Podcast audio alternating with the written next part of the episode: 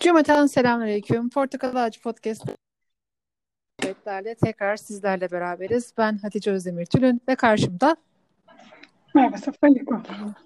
Elhamdülillah. Hoş geldiniz. Hocam. Hoş bulduk. Nasılsınız efendim? Elhamdülillah. Çok şükür. Yoğun bir günü evde bırakıp işe geldim. Allahu Ekber. Ben bugün evden çalışıyorum. Ee, yasa gereği Evet. biz her gün gidemiyoruz. Evet. Diyorum yani gerçekten çok zor bir şey evden çalışmak. Allah yardımcımız olsun. Ee, şöyle e, destek, e, kuvvet geliyor bazen. İşte hani çalışan hanımların. Ondan sonra onların da işi çok zor. Bizim de işimiz çok zor. Bugün benim Evet. e, gündemimde sağlık personeli vardı. Onların işi Evet. çok çok çok Evet. zor. Evet. E, hala ısınmaya devam edeceğiz. İşte e, kömür madenindeki işçilerimizin işi de çok zor. Bunların hepsini kabul etmekle birlikte e, yani bunların hepsinin kendi içlerinde zorluğunu bilmekle birlikte e, tarihe de bir kayıt düşmek istedim. Gerçekten evden çalışmak çok zor. Allah yardımcınız olsun inşallah. Amin amin. Rabbim herkesin imtihanını kolay kılsın. Amin. Allah razı olsun inşallah. Hmm, inşallah. Buyurun hocam. Bundan önceki hafta e, geçmişi bir tekrar etmiştik ve e, benim kendi ayetim olarak nitelendirdiğim yani ismimi e, aldığım ayet olarak nitelendirdiğim e, İnne Safa vel Mervete e, ile başlayan e, ayet serisine geldik. Burada hanımlar olarak e, daha da ilgimizi çekecek bir şey olacak. E, bir hanımefendinin e, tavrından, hareketinden dolayı e, iki tepeye isim veriliyor. E, Mescidi Haram'ın hemen yanında. E, o nedir? Onun üzerine konuşacağız. E, yani nasıl bu hadise gerçekleşmiştir? Onun üzerine konuşacağız. Hem de e, bu iki tepenin anlamı nedir? Şair ne demektir? Yani onların mübarekliğinin kaynağı nedir? Yani o işte altından daha mı değerlidir? Yoksa e, mekan olarak mı değerlidir? Anlam dünyasıyla mı değerlidir? Bunları konuşacağız inşallah. E, bu dersleri dinlerken benim bir tavsiyem e, dersten önce e, tavsiye ettiğimiz kaynakları okurlarsa e, çok daha hazırlıklı gelirler. E. Elmalı okuyan kardeşlerimiz var. Elmalı okumuş. Neden okumasın? E, fakat başlangıç olarak Elmalı'dan başlarlarsa yorulacaklarını ve e, yolun yarısında vazgeçeceklerini e, düşünüyorum değil, öyle olduğunu görüyorum. Yani bu hep böyle oluyor. E, ben yoruldum hocam deyip ayrılınıyor. O yüzden daha kısa açıklamalı bir meal tavsiye ediyorum. Sen Feyzül Furkan okuyordun e, hatırladığım kadarıyla. Mealden Feyzül Ee, Furkan'dan İlk, ilk, ilk, ilk başlayanlara e, yani ben, ben- benim gibi e, aceminin ötesi gibi be- benim kadar olanlara başlangıçtakiler için Evet, baştan sona e, meal okuyacak diyelim ki tavsiye eder misin? evet yani hani çok giriş çok kısa e, ilk defa okuyacaksa e, bir meal tefsiri e, o benim ilk tamamladığım e, meal tefsirdi Peki ve kolay Hı hı. buyurun buyurun. Ve kolay hani şey yapmıştı. Mesela daha sonra işte Fi Zilali Kur'an'a geçtim. Ee, çok daha derin şeylere geçtim ama hani e, o, o yüzmenin e, ileri aşamasına gelebilmek için önce hafif kenarda birazcık e, çalış alıştırma yapmak gerekiyor ya.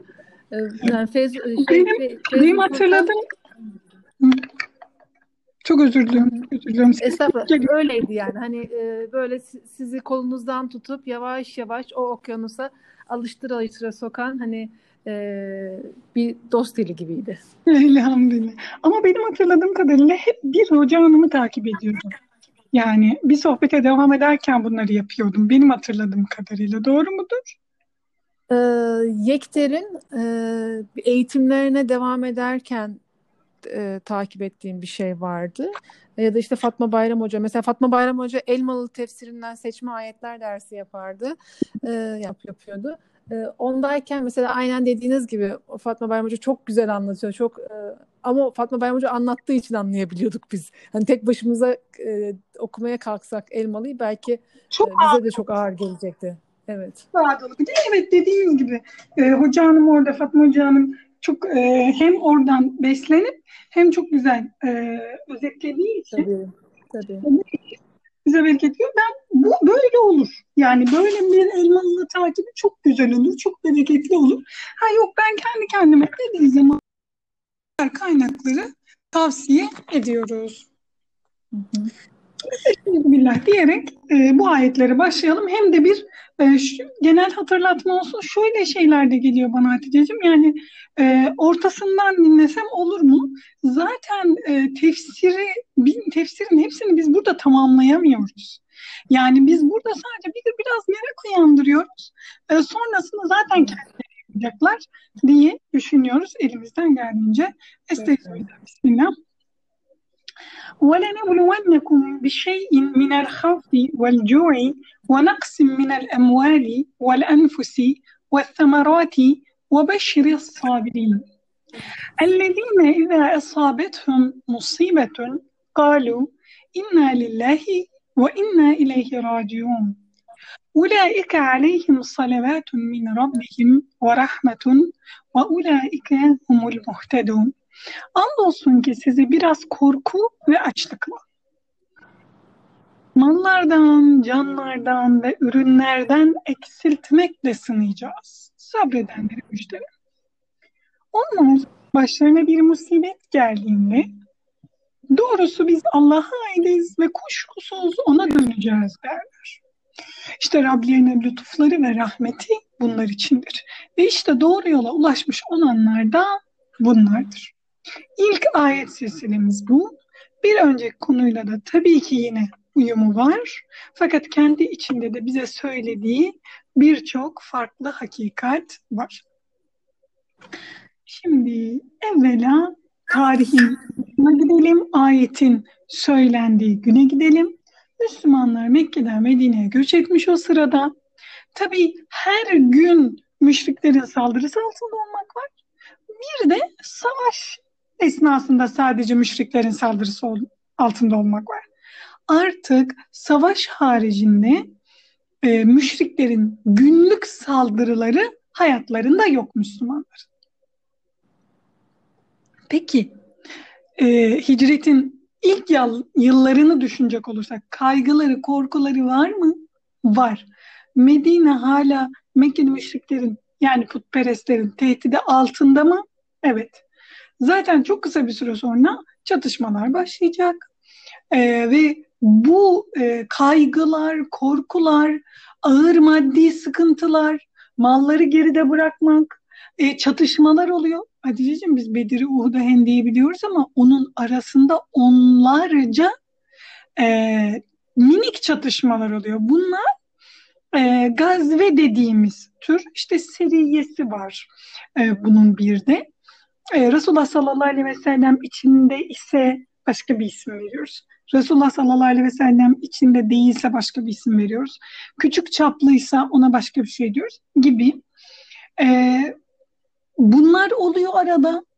Evet imkanlarını kardeşçe paylaşıyorlar muahat yapıyorlar kendi aralarında. Yani Resulullah sallallahu aleyhi ve sellem Mekke'li bir aileyle Medine'li bir aileyi kardeş ilan ediyor. Hatta bizim aklımızın hayalimizin alamayacağı derecede paylaşıyorlar her şeylerini. Evet bunlar oluyor ama dayanmıyor Hatice'ciğim.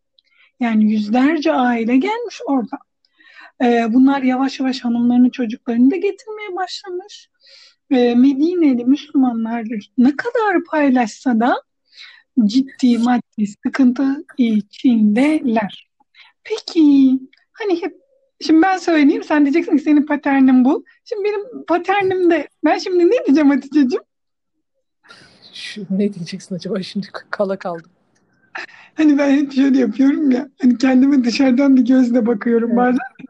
Şimdi o da günkü manası bulduğumuza göre bu bugüne yansıyan şekli. Evet. Bugün benim şimdi kendime şunu sormam gerekiyor. Ben e, ashabın e, ki gibi bir e, açlık, korku, mal, can, ürün endişesiyle mi karşı karşıyayım? Hayır. E o zaman ben yani kötü herifin tekiyim yani. O zaman ben zaten bu ayet bana bir şey söyleyeyim mi? Diyebilir miyim? Ben sana soruyorum Hatice'ciğim. Artizan ekmek bulabilmek için çektiğimiz sıkıntı ve o artizan ekmeği uygun bir fiyata alabilmek için çektiğimiz sıkıntı. Ben gluten alerjisi olan bir insanım.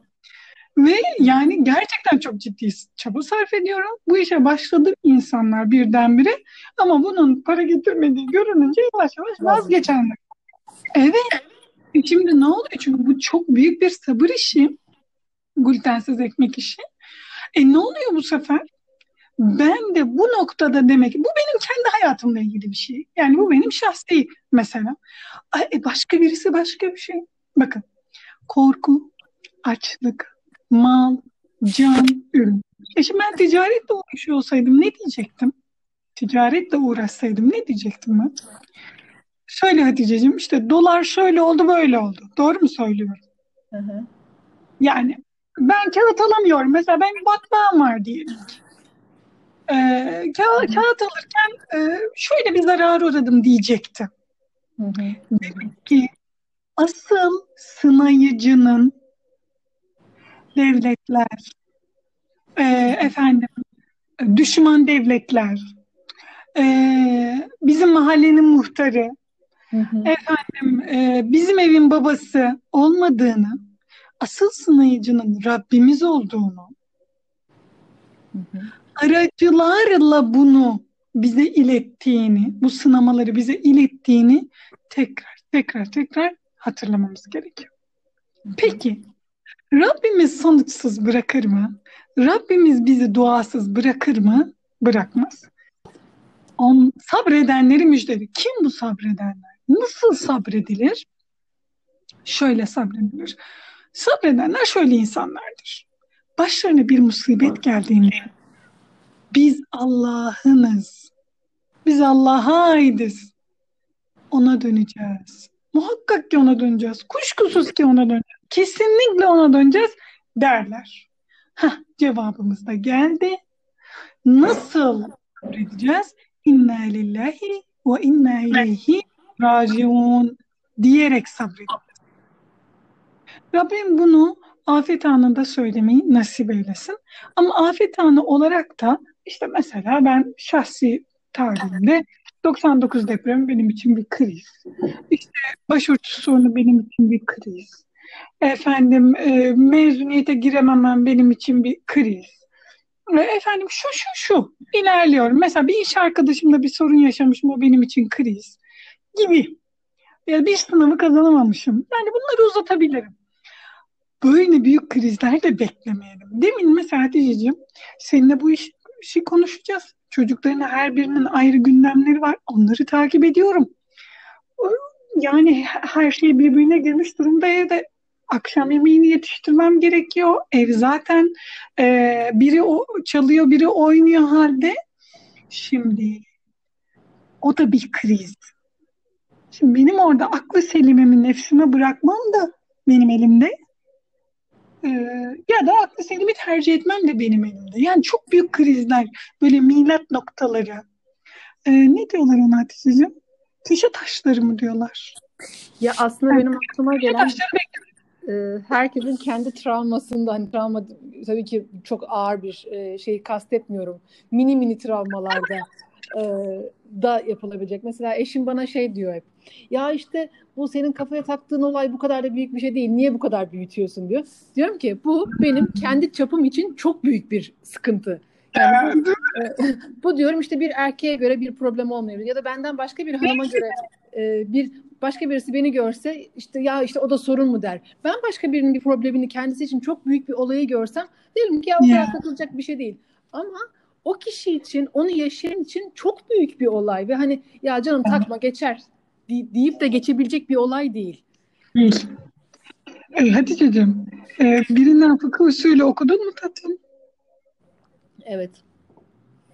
Kıyas meal farikı çözmüşsün. Yani bu dini bir kaide. Benzemezler arasında kıyas yapılmaz. Bu bizim hocalarımız tarafından hiç farkında olmadan, bize bu tabiri söylemeden bizim e, kanımıza işlenmiş bir şey. Ben bunu göreve başladıktan, fakülte bittikten ilahir öğrendim bunun adını. Kendi çabalarımla ayrıntılı okumalar yaparken öğrendim. Dedim ki bu bunu bize vermişler. Yani terim olarak değil, anlayış olarak bize bunu vermişler. Benzemezler arasında kıyas yapılmaz. Sen Hatice'sin, diyelim ki o Ayşe. Hı hı. Bunların ikisinin ruh dünyasında o olayın yansıması bambaşka. Biri Fatma, biri Emine. Aynı olay ikisini bambaşka etkiliyor. Bir evin içinde mesela iki hanım anlatıyorlar aynı evde büyümüşler. Aynı evde büyümüşler. Biri olayı bambaşka anlatıyor, biri olayı bambaşka anlatıyor. Mesela annelerini ve babalarını tarif ediyorlar diyeyim. Birisi şöyle biriydi, böyle biriydi diyor. Öbürü şöyle. E neden? Çünkü bu ikisi benzemez. Yani fıtratları var, değişkenleri var o sebeple. Yani musibeti böyle düşünelim özet olarak. Peki e, bu sabredenlerin ne diyeceğini öğrendik. Peki sabredenlerin mükafatı nedir? İşte Rablerinin lütufları ve rahmeti bunlar içindir. Ve işte doğru yola ulaşmış olanlar da bunlardır. Rablerinin lütufları ve rahmeti. Yani ara ara küçük e, günahlarımız oluyor. Rabbim affetsin, nefsimizi teskiye etmeyelim. Oluyor. Rabbim bunları işte musibet anında musibeti büyük düşünmeyeceğiz dedik. Çok büyük şeyler hayatta insanın başına parmakla sayılacak kadar gelen şeyler düşünmeyeceğiz dedik. Günlük musibetler, haftalık musibetler, aylık musibetler olarak bakabiliriz. İşte bu kişilere rahmet ve lütuf var. Peki rahmet ve lütuf ne demek? Lütuf ikram gibi düşünebiliriz Türkçe'de. Yani bir çok uzun zamandır e, görmediğiniz biri e, geliyor evinize bir ikram hazırlıyorsunuz. Yahut çocuklarınıza haftada bir farklı bir ikram hazırlıyorsunuz. Yani günlük sofralarınızı zaten hep kuruyorsunuz. Bu bir ikram. Ama bir de üstüne üstlük haftada bir farklı bir şey yapıyorsunuz. Bu, bunu böyle düşünebiliriz. Zihnimizde böyle canlandırabiliriz. Bir de rahmet. E rahmet ne oluyor? Yani ne kadar günahın varsa o arada yaptığı iki musibet arasındaki mesela onların affedilmesine vesile. Ve doğru yola ulaşmış insan olarak da bu kişiler tarif ediliyor. Rabbim bizi e, o zümreye ilhak eylesin. Yani o kişilerden eylesin. Hmm. Ve benim işte ön plana çıkardığım ismim sebebiyle e, sohbetin başında ayete geldik. Estağfirullah, bismillah. İnna safa vel mervete min şairillah. Bak heyecandan e, şeyi bile yapamıyorum. E, ne derler? Tilaveti bile tam yapamıyorum. Estağfirullah. İnna safa vel mervete min şairillah. فمن حج البيت أو اعتمر فلا جناح عليه أن يطوف بهما وَمَنْ تَطَوَّى خَيْرًا فَاِنَّ اللّٰهِ شَاكِرٌ عَلِيمٌ Safa ile Merve Allah'ın nişanlarındandır. Dolayısıyla hac veya umre yaparak Beytullah'ı ziyaret eden bir kimsenin bu yerleri tavaf etmesinde kendisi için bir günah yoktur. Kim gönüllü bir iyilik yaparsa biz Allah iyiliği mükafatıyla çok mükafatıyla karşılayan mı? Çok iyi bilendir. Hatice'cim bu çok ilginç bir şey. Rabbimiz diyor ki ben şakirim. Allahu Ekber. Şükreden. Evet. İnna Allah şakirun alim. Allah şükredendir ve bilendir. Aa, şakirun. Şakir, şükreden. Hatta biz şükreden şakir, zikreden zakir diye hep anarız bunu ilahi olarak, bir söylem olarak duyarız. Allah kendine şakir diyor. Hem de Safa ile Merve'yi anlattıktan sonra bu çok dikkat çekici. Şimdi şair, nişan, işaret diye tercüme edebileceğimiz bir kelime. Allah Safa ile Merve'yi iki işaret olarak oraya koydu. Sadece çocuklar somut dönemde değil Hatice'cim. Biz de somut olduğu zaman bir şeyi çok daha iyi anlıyoruz. Hı hı. Neden YouTube'a bu kadar çok bakıyoruz? Çünkü somut insanın hayatında bir yer kaplıyor. Resulullah sallallahu aleyhi ve sellem kumaş şekil çizerdi mesela Hatice'ciğim. Sözlü kültürde olmalarına rağmen bakınız cahiliye insanı cahiliyeden sonra ilk Müslümanlar e, yazılı kültürde bile değillerdi. Sözlü kültürdelerdi. Ona rağmen Resulullah sallallahu aleyhi ve sellemin şekli kullandığını görüyoruz. Şekli. Eliyle tarif ederdi, eliyle gösterirdi. Bir, bir hamur e, mesela e, çorbanın suyunun kaynadığını düşün Hatice'ciğim. Yani çorba hmm, biz sası diyoruz. Ne dersiniz siz? Seyrek diyeyim yani. Çorba biraz seyrek olmuş diyelim ki. Yani biraz daha un istiyor. E, şimdi bir e, herhalde genç kız böyle bir şey yaparken unu topak topak katmaya devam ediyor kaynayan çorbanın içine. Resulullah sallallahu aleyhi ve sellem de buyuruyor ki dur dur dur öyle değil böyle diyor. Unu soğuk bir suya öpeliyor. Yani ne, ne diyeyim Hatice ona ne dersin? Ufalıyor mu? Ufalıyor ve e, sonra o soğuk sudan sıcak çorbaya katıyor. Böyle bir Resulullah sallallahu aleyhi ve sellem böyle biriydi. Gösteren biriydi. O yüzden biz de e, ne diyelim görmeyle e, anlamayı küçük görmeyelim. Bu iki küçük tepenin adı Safa ile Merve'ydi. E, çok eski zamanlardan biri böyleydi. Hazreti İbrahim e, eşi e, Sare'nin e, verdiği sıkıntı sebebiyle diğer eşi Hacer'le e, henüz bebek yaştaki oğlu Hazreti İsmail'i ıssız bir araziden ibaret Mekke'yi bırakıp Kenan diyarına dönmüştü. Su bulma ümidiyle de e, Hazreti Hacer iki tepe arasında koşup duruyordu. Allah'a yalvarıyordu. Zemzem kuyusu diye anılan yerden su çıktı.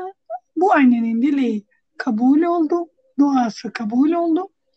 Hiçbir umut ışığı yokken e, büyük bir sabırla e, Allah'a güvenini devam ettirdi. E, Hacer Hanımız ve bu sabır ve tevekkül sınavını başarıyla verdi. Belki evveliyatı da bilinmeyebilir. Onu da söyleyelim. İbrahim Aleyhisselam Allah'ın vahiyle hanımını ve çocuğunu oraya bıraktı. Niçin bizi buraya bak bırakıyorsun? Yani biz burada ne yapacağız denildiğinde Allah böyle emretti dedi İbrahim Aleyhisselam ve o hanımefendi de bunu kabul etti. Yani şu gelmişti benim hemen aklıma. Ben olsam hemen koşar koşar eşimin peşinden giderdim. Çocukken böyle düşünmüştüm mesela. O yapmadı. Allah böyle emrettiyse ben burada duracağım dedi. Ee, imkansız bir yerde, o çölde Allah'tan ümidini kesmedi. Ama e, hiçbir şey yapmadan da durmadı. Çocuğunun ölümünü beklemeye razı olmadı. Allah'a inanıp güvendiği için Allah bana bir kapı açacak. Allah bana bir sebep yaratacak diye düşündü. Rabbimiz insanları e, böyle bir e, sınavdan e, geçirebilir. Herkes böyle bir sınavdan geçirebilir diyelim. Ama herkesin sınavının e, yapısı farklıdır. Demin anlattığımız örnekte olduğu gibi her kişinin e, imtihanı farklı boyutta oluyor. E, cahiliye döneminde şöyle bir durum vardı. E, Safa Tepesi'nde de Mer Merve Tepesi'nde de iki put vardı. Şimdi bunu bilen eski cahiliye devrinin insanları, yeni ilk Müslümanlar, e, sahabe efendilerimiz e, şüpheyle yaklaştılar. Acaba hac ediyoruz ama e, yani umre yapıyoruz ama günah mı Safa Merve'ye gitmemiz? İşte bu ayet geldi ve iş çözüldü. E, onları tavaf etmenizde bir sorun yoktur e, diyerek hatta e, kim gönüllü bir iyilik yaparsa bilsin ki Allah iyiliği mükafatıyla karşı mükafatıyla karşılayan ve çok iyi bilendir diyerek e, üstünde bir iş oldu.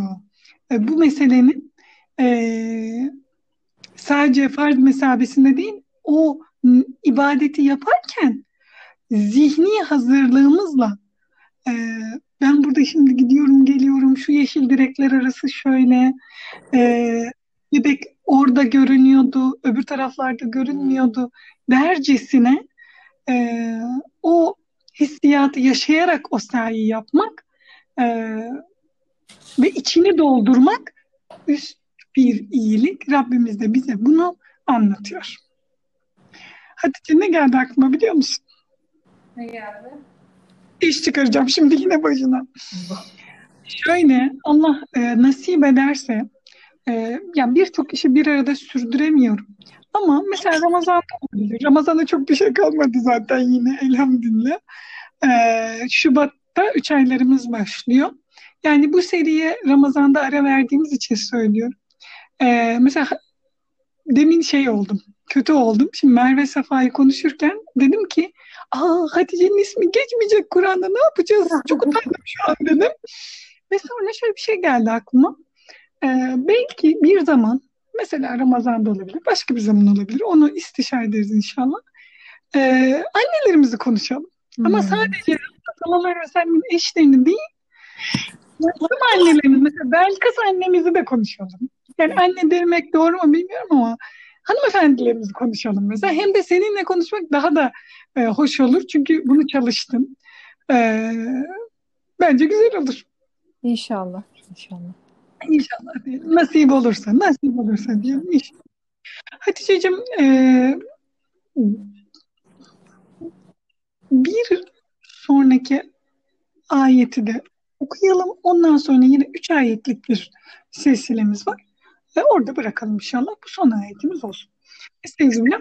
İnnellezine yektumune ma enzelna minel beyinati vel huda min ba'di ma beyyennahu linnas fil kitabi ulaike yel'anuhumullahu ve yel'anuhumul la'inun.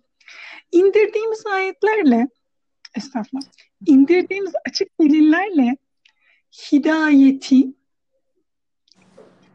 önce kitapta insanlara açık gösterdik ama onu gizleyip saklayanlar oldu.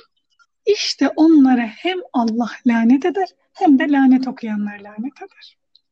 Kim bu lanet okuyanlar? Kim bu gizleyenler? Bu hidayet bilgisiyle ne kastediliyor? Bu üçünü e, cevabını arayalım şimdi. Lanet Allah'ın bir kişiyi rahmetinden uzaklaştırmasıdır. Sonucu cennetten mahrum kalmaktır.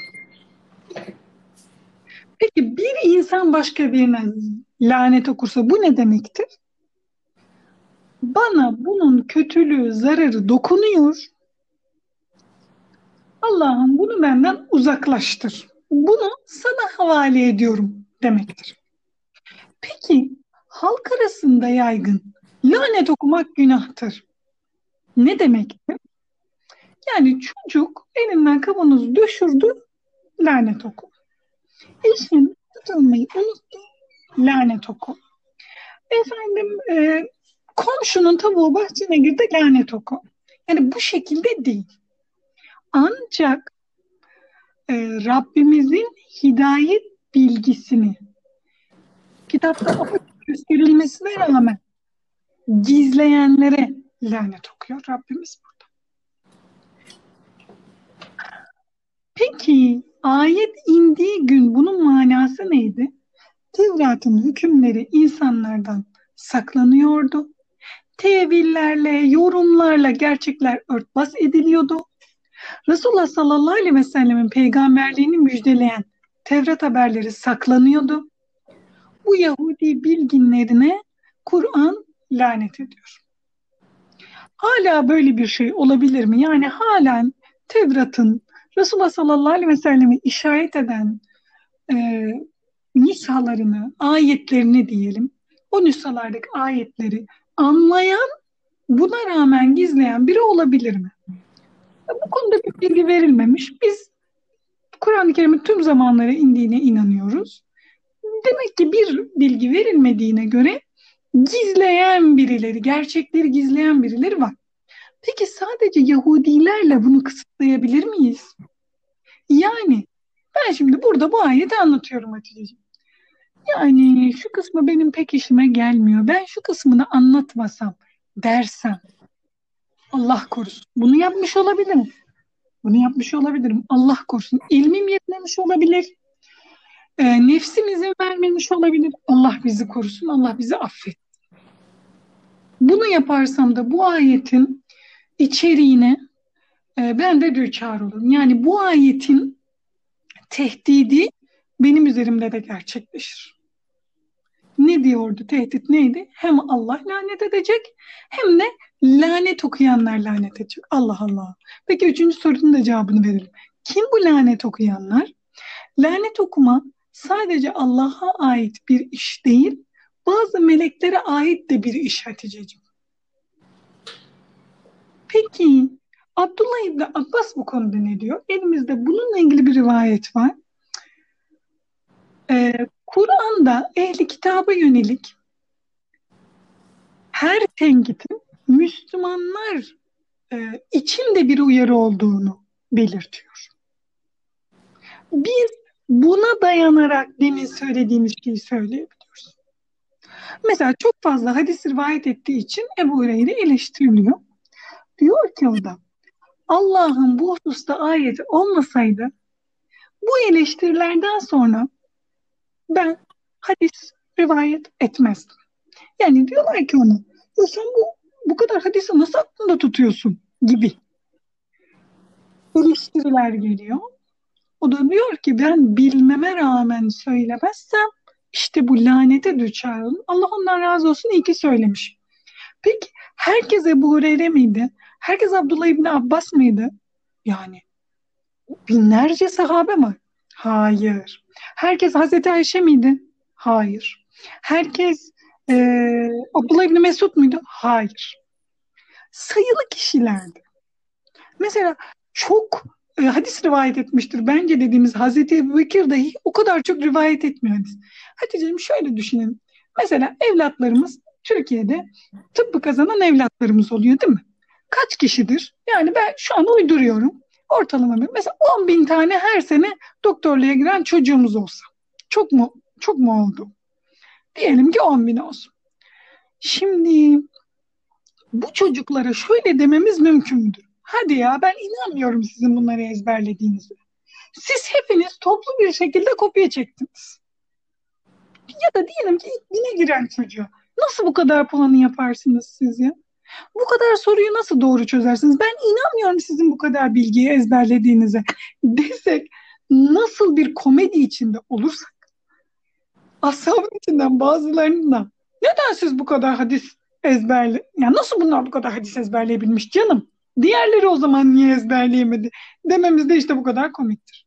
Milyonlarca insan sınava giriyor ama ilk bini işte şu kadarını ezberlemiş, çalışmış, mantık yürütmüş ve başarmış oluyor. Bunlar bizim o yönde ilerleyecek evlatlarımız. Diğerlerinden daha iyi, diğerlerinden daha başarılı değiller. O çocuklar akademik alanda ilerlemeye Rabbim onların beynini uygun yaratmış. Diğer evlatlarımızla ümmetin diğer e, kanatlarından tutup kaldıracaklar inşallah. Böyle Hatice'cim bugünlük. Çok ortada bıraktınız hocam ama bu sefer.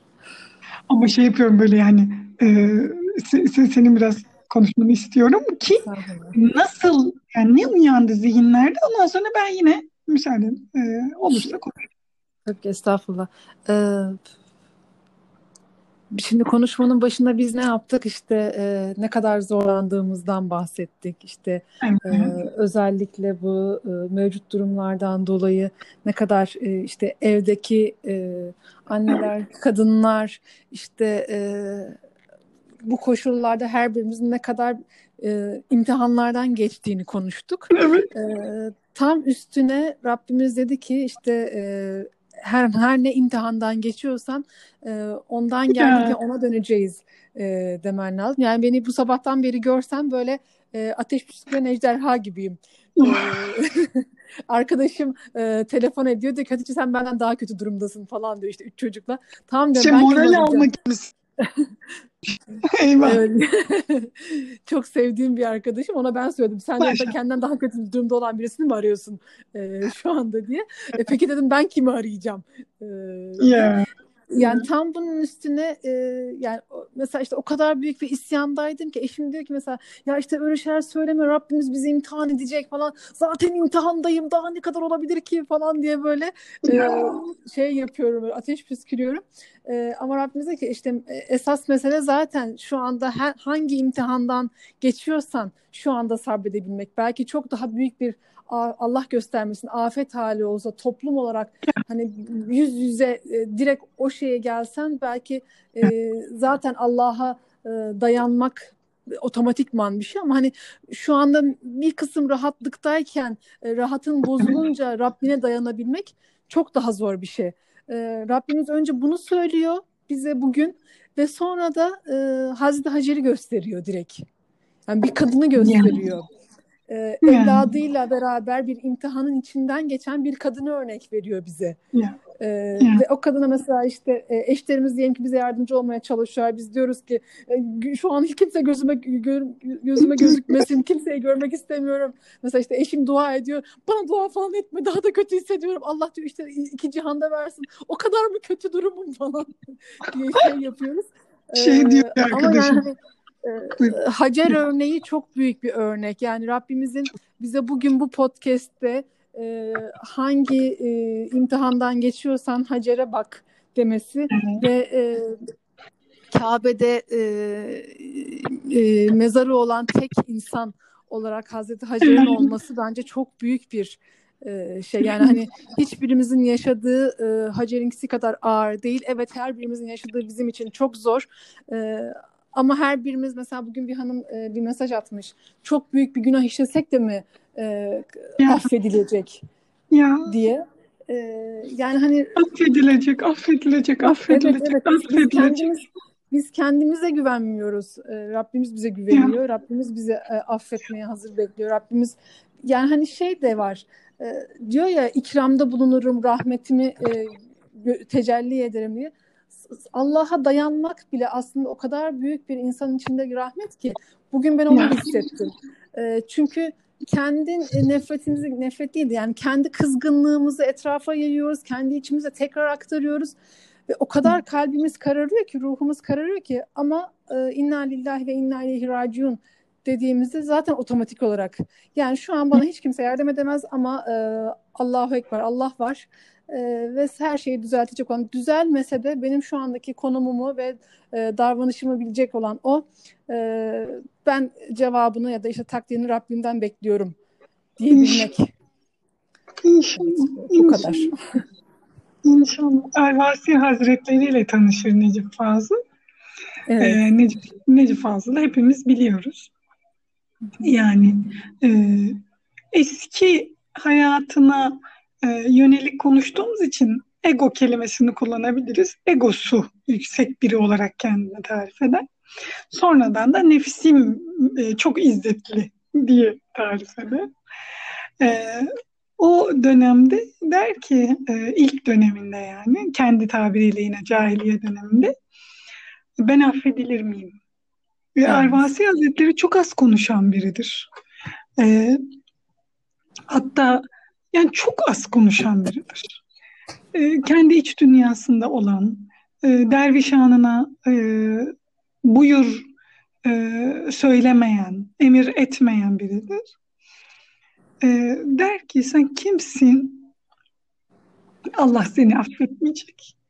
Bu, bu beni çok çarpmıştı. Yani senin günahın ne kadar büyük olabilirdi Allah seni affetmeyecek. Ya bu, bu çok etkilemişti beni. Yani hani e, Allah beni affetmez mi derken bile aslında bir e, hatanın içindeyiz.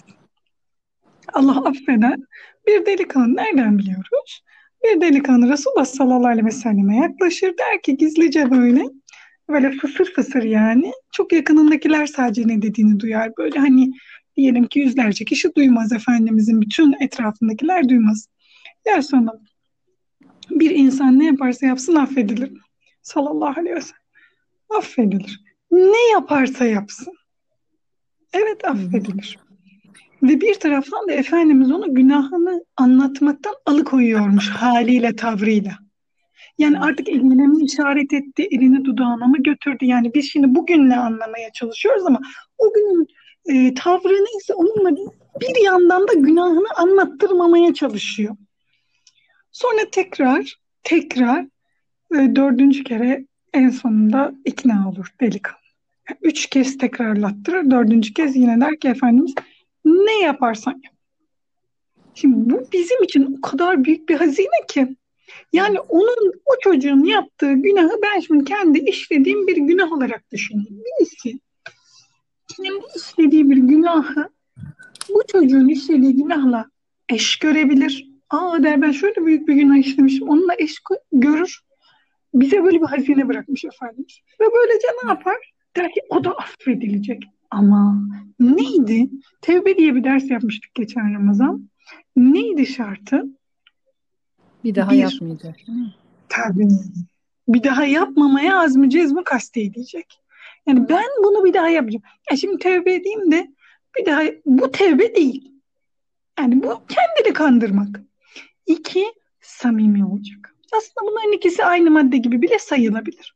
Samimi olacak, bir daha yapmamaya azmedecek. Hayır, ben bunu bir daha asla yapmayacağım ve bu isteğimde samimiyim. Şeytan gıdıklamayı bırakacak mı? Hayır. O alttan alttan tekrar diyecek ki yaparsın yaparsın sen bir daha bunu yaparsın. Yapmayacağım. Bir yaparsın yaparsın bir daha ses gelir. Euzu billahi mineşşeytanirracim. Bir daha yaparsın yaparsın sen yaparsın. Tekrar euzu billahi mineşşeytanirracim. Tekrar tekrar tekrar yani vazgeçmeyecek. Sonuna kadar o içindeki ses deh olup gidene kadar demeyi devam edecek. Hadi dedim çok zor yöntemler peşindeyiz. Yani burada şimdi hiçbirini sayıp üzerime çekmek istemiyorum. Yani şu son bir haftada bana gelen fetvalardan okuduğum yöntemleri, psikolojik tedavi yöntemlerini ve psikologların nedense hiç bilmediği psikolojik tedavi yöntemlerini böyle sıralamakla zaten bitiremem. Falan filan feşmekan. E, tamam da Euzu billah nerede? Ondan başlayalım. Bismillah diyelim, ondan başlayalım. Rabbim yardımcımız olsun. Amin, amin, amin. Allah razı olsun hocam. Necmi. Kapanış bir dua ile yapsana hocam. Tamam. ee, Rabbim bugün e, konuştuğumuz ayetlerle amel edebilmeyi bizlere nasip eylesin. Amin. Bir musibet anında e, inna lillahi ve inna ileyhi demeyi nasip eylesin. Musibetimizi büyük küçük olarak ayırmadan hepsinin Allah'tan geldiğini, hepsinin bizim kalbimizin genişlemesi için, cennete hazırlanmamız için bir vesile olduğunu unutmayanlardan eylesin. Amin inşallah. Kaçta kaldık? Ee, bilmiyorum. Tamam. Tamamen koptum olaydan. Yani şöyle diyeyim. 155. ayetle başladık. 155, 156, 157, 158 ile bitirdik. Tamam, Yok. 155. 159 ile bitirdik. Estağfurullah. Tamam inşallah. Kapattım önümdekini de. Hafta, haftaya 159 ile bitirdik. Evet haftaya Aynen öyle. inşallah devam inşallah. edebilmek duası. Rabbim hayırlarla e, hepimizin yürekleri ferahlamış olarak tekrar kavuşabilmeyi nasip etsin inşallah. Amin. Amin. Cümleten selamünaleyküm. Allah'a emanet olun.